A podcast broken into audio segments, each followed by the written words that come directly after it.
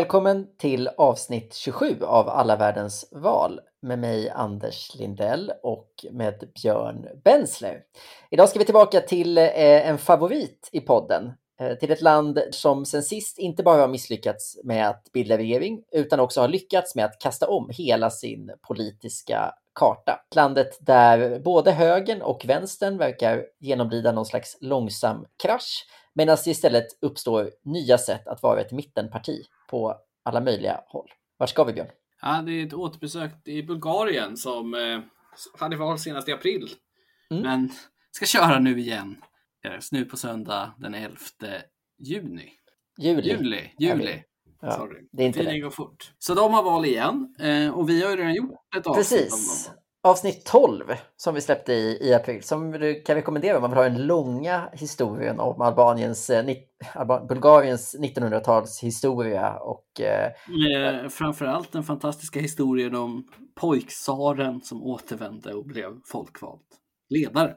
Men det tas där. Men eh, vi ska dra en snabb recap på deras politiska system då om ni hade missat det. Eh, så det är ett, eh, ett speciellt system. De har en president som i huvudsakligen är ceremoniell och parlamentet utser en premiärminister och det är premiärministern som är det tunga uppdraget. Det är liksom där makten sitter. Och det är lite roligt det här för jag ser i våra anteckningar inför förra av, avsnittet att varje gång man har val så nollställer man valklockan så att då är det fyra år till nästa val. Och val, valet som var i april var det första hela mandatperioden som kördes sedan 2009. Mm. Och det är lite roligt att de redan har sabbat den striken. Ja. ja. Det känns också som att de tog så lite tid som möjligt typ, för det här omvalet. Typ knappt tre månader. Ja, men man visste väl på valnatten att det här det går, det kommer inte bli något. Liksom.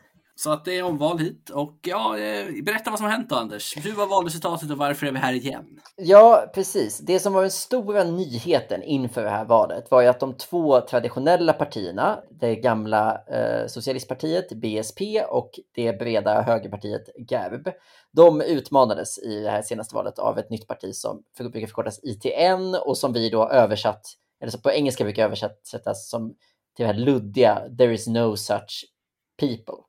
Eller There is such a people, eller hur det var. There is such a party och grejer. Ja, de har hittat massa. Ehm, de i alla fall drivs ju av den här tv-personligheten Slavi Trifonov och är ett liksom renodlat populistparti. Vi gav dem lite beröm för att de var så, för att liksom de var populister på riktigt. Att det var liksom alla möjliga åsikter som inte nödvändigtvis hade liksom den här lite liksom extrem högerdoften som ändå mycket av europeisk populism har just nu, utan det var lite, det var så här, å ena sidan EU-vänner, å andra sidan socialkonservativ eller liksom lite värdekonservativa och tredje sidan för direktdemokrati. Alltså det är lite sådana saker som inte riktigt brukar kombineras eh, i, i, i det här partiet. Och de var ju, anledningen till att man kanske visste då att det skulle bli nyval var att de gick väldigt bra i mätningarna och de var väldigt tydliga med att de inte skulle samarbeta med något av de andra partierna. Han sa sagt något om att han inte aldrig skulle sätta sig i ett samarbete med orena och uppenbart komprimerade rörelser.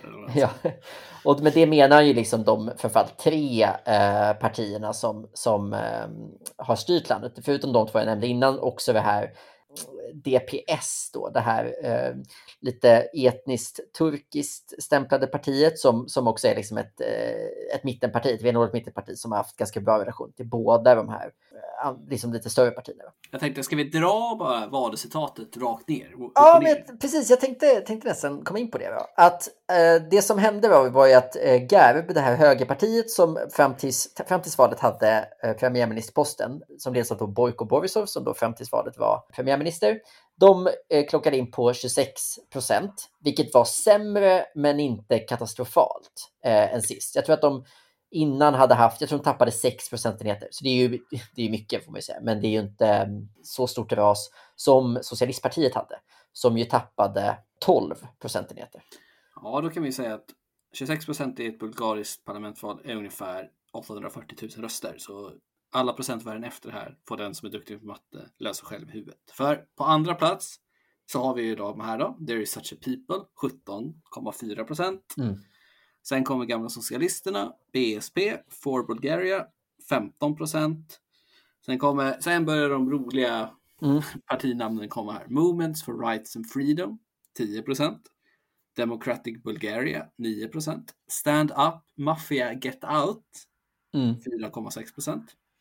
IMRO, Bulgarian National Movement, det luktar ju oerhört mycket högerextrem, Ja, men det eh, 3,6.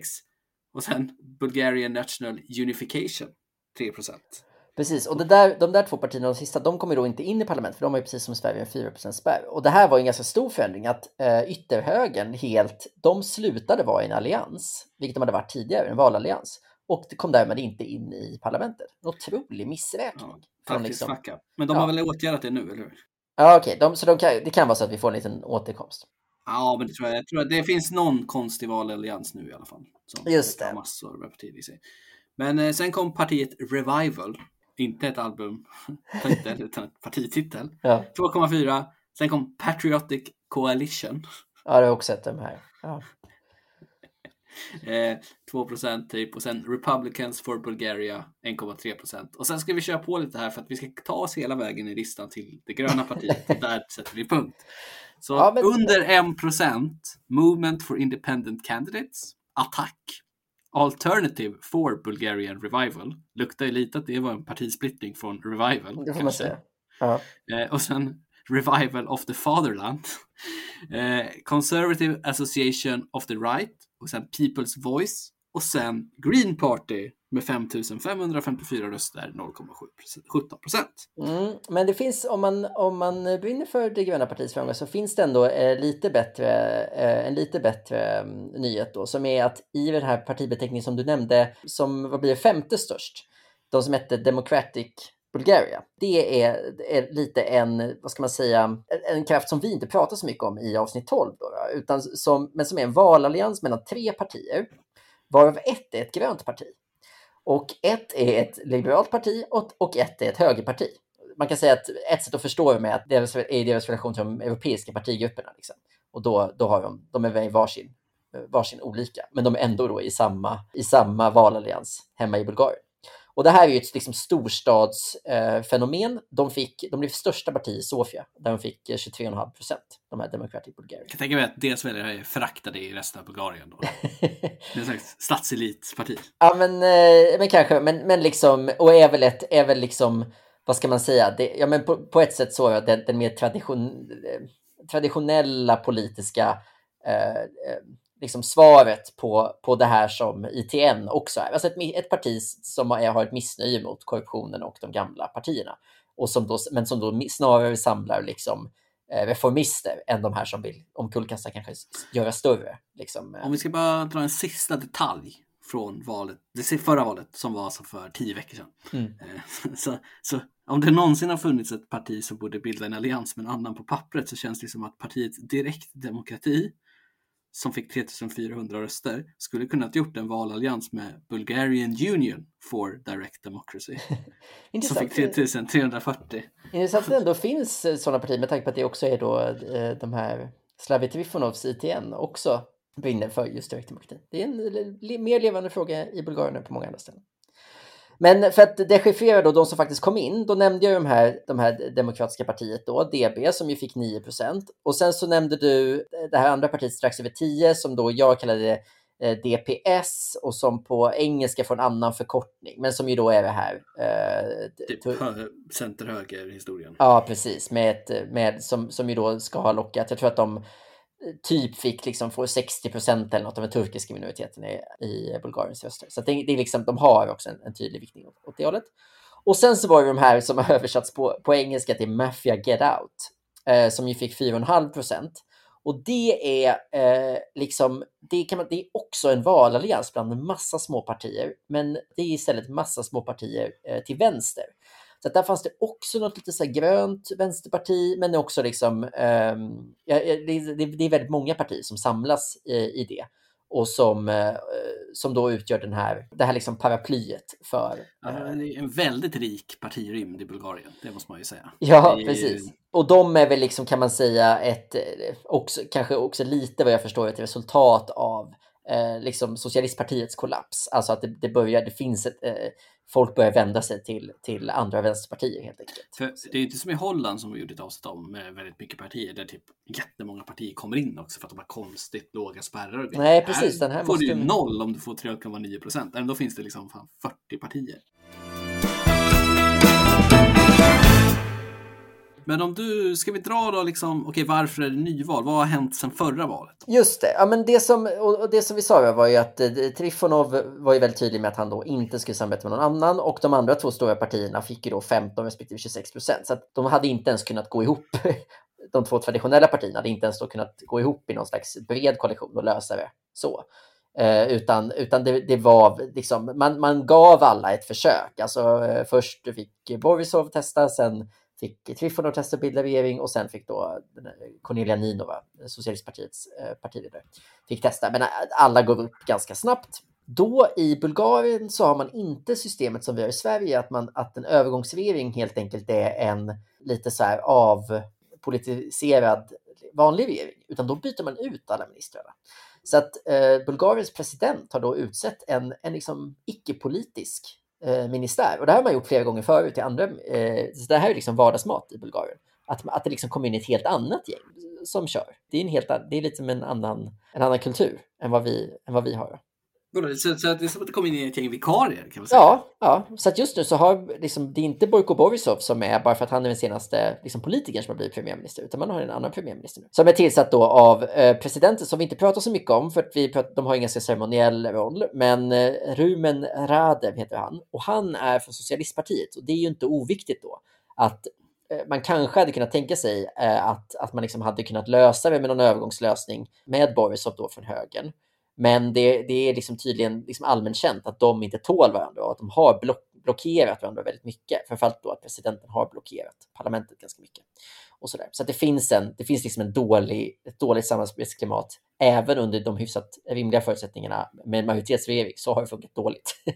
och nu har det då blivit ännu värre. Och det som också har hänt är, sen valet är att Slavi Trifonov för ITN, då, det här populistpartiet, de drev ju bland annat den lite klassiska populistfrågan, i, eller som har seglat upp nu, nämligen att coronarestriktionerna har varit för hårda i Bulgarien. Och det fick då den ironiska konsekvensen att Trifonov själv fick covid-19. Ja, det är han inte ensam om. Att det är Trump och Bolsonaro också. ja, det är något med alla de här, att de, eh, liksom förnekarna som, också, som får det också.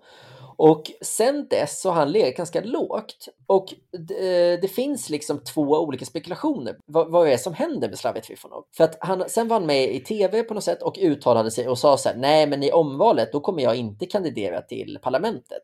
För då vill jag ha ett annan typ av politiskt uppdrag. Ett typ. Och då finns det ju två eh, sätt att tolka det här på. Det ena är att han menar nej, men jag, nu är jag färdig. Jag har startat det här partiet, det har 20 procent snart och jag tänkte inte göra det här överhuvudtaget ändå. Så att nu drar jag. Det andra man kan tänka sig att han menar är ju att han helt enkelt antingen vill bli premiärminister direkt, för då måste man inte sitta i parlamentet, så det kan han liksom. Det kan han bli ändå. Eller att han helt enkelt tänker sig att han ska bli president. Därför att nästa presidentval är ju redan i oktober. Så att med lite tur så gör ju vi tre avsnitt om Bulgarien bara i år. Så att eh, Trifonovs eh, öde är liksom också fortfarande eh, oklart helt enkelt. Så det, ska, det blir också spännande att se. Ja, verkligen. Det är kaosigt. Men eh, om vi tittar på opinionsläget då så har jag gjort en liten analys här. Mm. Eh, så var det så här att om man tittar på mätningarna inför förra valet, april då, så var ju de här ITN, de var lite underskattade i, val, i mätningarna och GERB var lite överskattade. Och om det håller i sig nu så ser det inte bra ut för GERB, för de fick som sagt 26 procent, men de mäts på typ 22 procent just nu. Mm. Och eh, ITN mäts ungefär runt 20 från upp 2 då. Men om de fortfarande är lite underskattade lite, så kan de mycket väl bli största parti. Mm. Och det skulle ju vara en politisk revolution i Bulgarien. Där det liksom kommer ett nytt parti som faktiskt blir störst. Mm. Så de ser ganska så här, eh, de är på väg upp, Gerd är på väg ner. Sossarna, eller socialisterna, ligger på samma. Eh, hipstersarna i Sofia och de hänger kvar.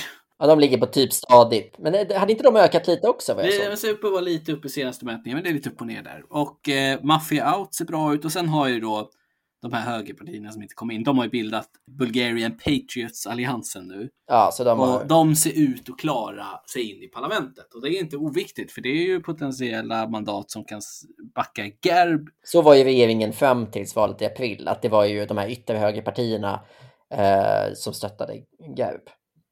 Så det är ju bra för Borisov, bulgarisk politik starke man då, att mm. eh, kommer de här in så får han ju lite mer möjligheter att nå upp till 121-gränsen. Mm. Men de har ju 75 seats nu. Skulle de få vad de ser ut att få så räcker inte det på långa vägar för att få till en majoritet. Nej, och det vi sa lite i förra valet var ju att eh, Trifonov och ITN, att de, liksom, de är ju ett, ett, ett missnöjesparti, får man ändå säga. Och de har ju gynnats... Ja, det får man ju ändå säga. Ja, och de har ju gynnats av att vara emot alla andra partier. Så för, det var ju ett helt självklart val för dem att tvinga fram det här nyvalet istället för att försöka hitta någon slags koalition. Och frågan är om de kommer försöka göra det igen. Det tycker jag ska bli spännande att se. För säg att de blir största partiet då och att de är någon slags mittenparti. Och så finns det ju ganska goda skäl att tro att det, att det kan uppstå liksom ett, en, en ganska bred den breda mitten, som vi brukar säga i svensk politik numera, ja, i Bulgarien är ju ganska stor. Det är alla partier, eller hur? Nej, men, det, men den breda mitten i Bulgarien, för du, du har ju dels då eh, ITNC, att de, får, de kan absolut få 20 procent. Sen är de här nya demokratiska partiet som kan få 15. Och sen så har vi ju gamla eh, DPS som har varit det här samarbetspartiet, det här maktpartiet på 10% som har kunnat stötta alla möjliga regeringar. Där, liksom, med de tre har man ett hyfsat bra regeringsunderlag. Men liksom... Du spårar alltså eh, eh, eh, att det kan kunna skapas någon slags regering efter det här valet och att det inte blir en runda tre Nej, men det, jag, i oktober. det jag säger är att med tanke på att det inte bara gick så bra för ITN utan att det också gick så bra för de här andra mittenpartierna så, så sakpolitiskt ser vi ju för oss liksom idioter som bara läser det här utifrån ser vi ut som att, så att det här borde kunna gå att lösa. Men det kan ju finnas taktiska skäl till att man inte gör så utan att man vill eh, bara fortsätta tvinga fram nyval som göder ett missnöje och som gör att eh, de, de nya partierna kan öka ännu mer. Det skulle ju kunna vara att man cyniskt liksom fortsätter med det. Men, men eh, jag tycker det, det, tycker jag ska bli intressant att se. Liksom, hur seriösa kommer försöken vara eh, med nästa valresultat? Ja, det blir intressant att se i alla fall. Eh, val på söndag nu då.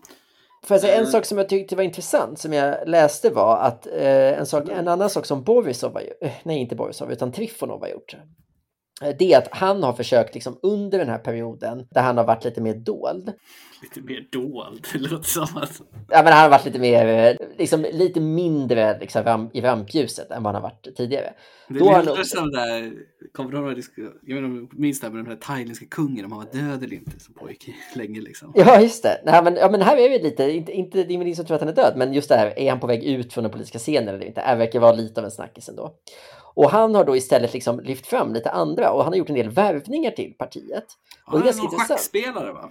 Ja, precis. Dels eh, schackspelaren Antoaneta Stefanova som är en gammal, gammal schackmästare. Eh, de har också nu talmansposten i parlamentet, Iva Miteva. Och den eh, längst sittande parlamentsledamoten överhuvudtaget är också, eh, har också gått över till, till ITN. Så att han har ju också liksom, vad ska man säga, de har ju byggt upp nu ett regeringsdugligt lag under de här eh, ganska få veckorna. Som de på något sätt försöker också jobba. Det skulle också kunna vara någon typ av, jag nämner det för att det skulle kunna tyda på att man ändå försöker axla någon slags roll här och inte bara pressa fram ett skenande missnöje och därmed ökande Jag försöker siffror. komma ihåg om det var En Marché eller om det var Pomoedos i Spanien som också hade någon schackspelare när de slog igenom där. Så det, det är ett beprövat kort att plocka in en schackspelare. Ja. Jag hade röstat på det. Ja, spontant. Men ma magen säger ändå uh, att det, det, känns, det känns ganska Ja, men det är någon slags kvalitetsindikator på något sätt. Liksom. Ja. Vad tror du då? Vad säger din, du som är Paul, Paul Wizard? Ja, men det... Ja, jag tror nog att det kanske blir ett... Det är så jävla svårt att säga sådana här grejer, men jag tror nog att Gerb slänger nog ihop ett lite bättre valresultat än det verkar i undersökningen. Här. Men jag, jag tror Gerb gör det? Trots att ja, de har underpresterat i... Ja, jag tror att de kommer uppåt alltså nu. Mm. Så att eh, de landar nog in runt 24-25 igen. Så får mm. vi se vad som händer därefter. Det blir kul och intressant att se i alla fall. Ja, verkligen. Vi kommer komma tillbaka snart igen. Och vad ska vi då Anders? För det är svåra länder att uttala det här, tror jag. Ja, men nu ska vi ju äntligen. Vi, har, vi hade ju tanken att vi ehm, eh, skulle ha en liten sommaravslutning och det kommer vara nästa avsnitt då. Så att då har vi avsnittet om Sao Tomé och Principe som är, blir vårt sista avsnitt på en månad ungefär innan vi är tillbaka med höstens val. Då. Och det kommer då, förutom det lilla valet som vi kanske gör, som vi hoppas inte blir alltför komplext, så gör vi då också en recap på alla val som vi inte pratat om under våren. Och det kan vi också pegga upp för den lilla frågelådan vi öppnade för massa, en, en, en god tid sedan, som vi då kommer tömma. Och den hittar man på e-postadressen varendaval@gmail.com. Den kan ju knappast vara speciellt full. You'd be surprised, Björn. Ja, eh, vi hörs eh, på oss nästa vecka. Hej så länge. Ja, hej då.